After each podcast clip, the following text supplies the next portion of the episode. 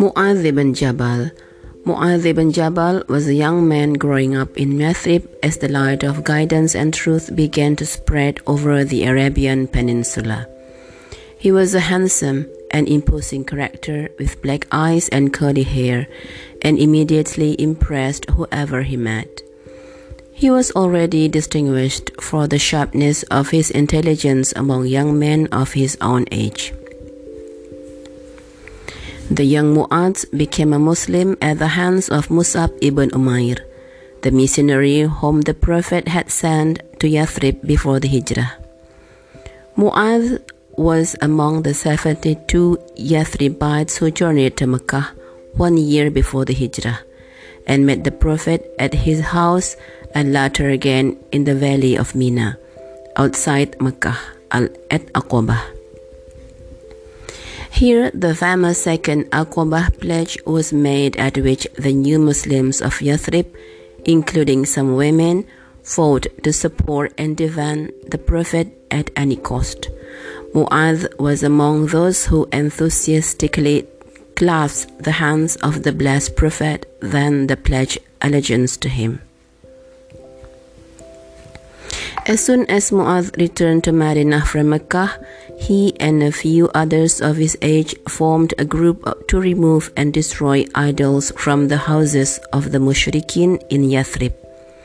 One of the effects of his campaign was that a prominent man of the city, Amr ibn al-Jamuh, became a Muslim. When the noble prophet reached Medina, Mu'adh ibn Jabal stayed in his company as much as possible. He studied the Quran and the laws of Islam until he became one of the most well versed of all the companions in the religion of Islam. Wherever Mu'adh went, people would revert to him for legal judgments of, on matters over which they differed.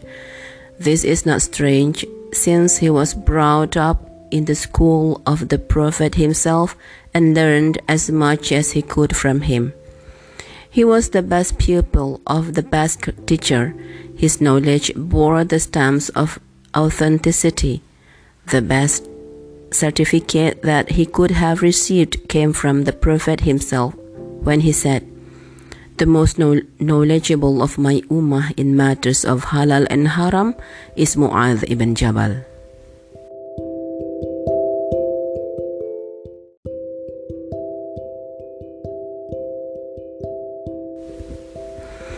One of the greatest of Mu'adh's contributions to the Ummah of Muhammad was that he was one of the group of six who collected the Quran during the lifetime of the Prophet peace be upon him.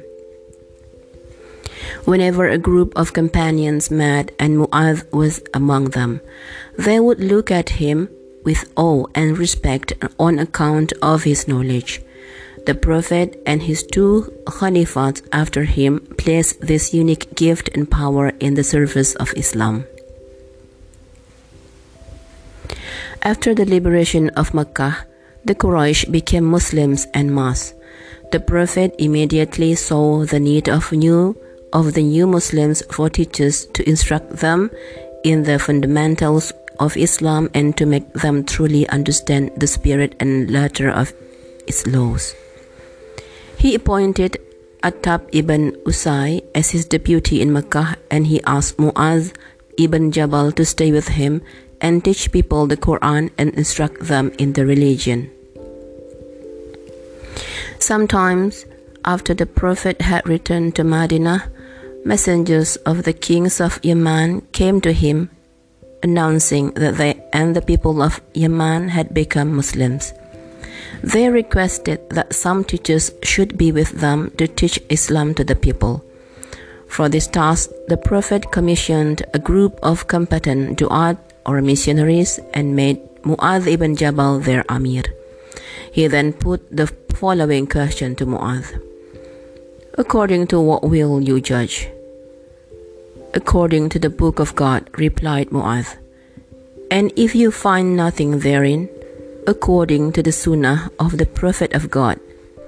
And if you find nothing therein, then I will exert myself or exercise ijtihad to form my own judgment. The Prophet was pleased with, his, with this reply, reply and said, Praise be to God who has guided the messenger of the Prophet to that which pleases the Prophet.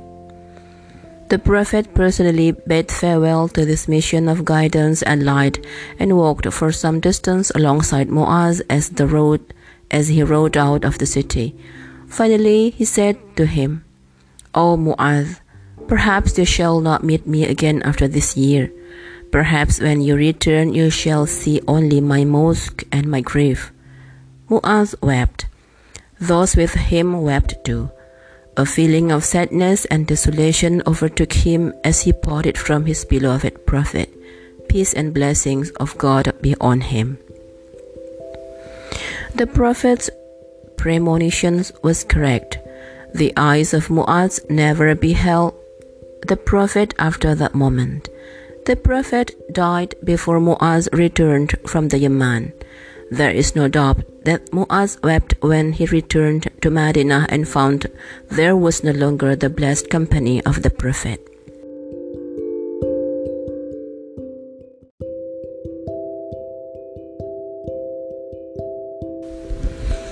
During the Caliphate of Umar, Muaz was sent to the Banu Kilab to apportion their stipends and to distribute the sadaqah of their richer folk among the poor. When he had done his duty, he returned to his wife with his saddle blanket around his neck, empty handed, and she asked him, Where are the gifts which commissioners return with for their families? I had an alert supervisor who was taking over me, he replied. You were a trusted person with the Messenger of God and with Abu Bakr. Then Umar came, and he sent a supervisor with you to check on you she exclaimed. She went on to talk about this to the women of Umar's household and complained to them about it. The complaint eventually reached Umar, so he summoned Mu'adh and said, Did I send a supervisor with you to check on you? No, Amir, Amirul Mu'minin, he said, but that was the only reason I could find to give her. Umar laughed and, the, and then gave him a gift saying, I hope this pleases you. Also, during the Caliphate of Umar, the governor of Syria, Yazid ibn Abi Sufyan, sent a message saying, O Amirul Mu'minin, the people of Syria are many. They fill the towns. They need people to teach them the Quran and instruct them in the religion. Umar thereupon summoned five persons who had collected the Quran in the lifetime of the Prophet peace be upon him. They were Mu'adh ibn Jabal, Ubadah ibn As-Samit, Abu Ayyub al-Ansari, Ubay ibn Ka'ab, and Abu Darda.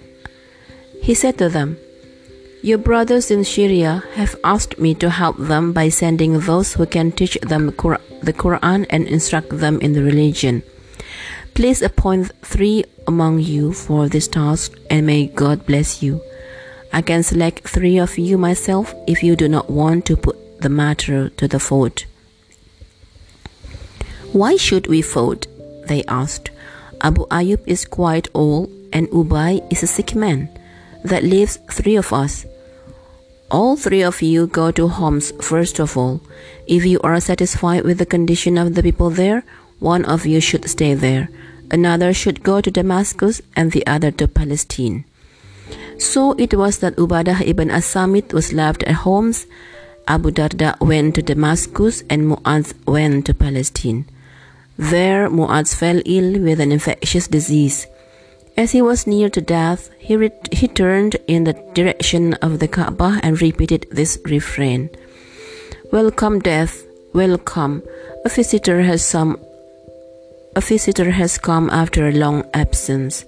And looking up to heaven, he said, O Lord, you know that I did not desire the world and to prolong my stay in it.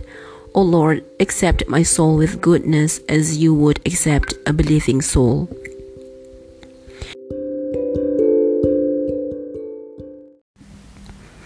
He then passed away, far from his family and his clan, a da'i in the service of God, and a muhajir in his path.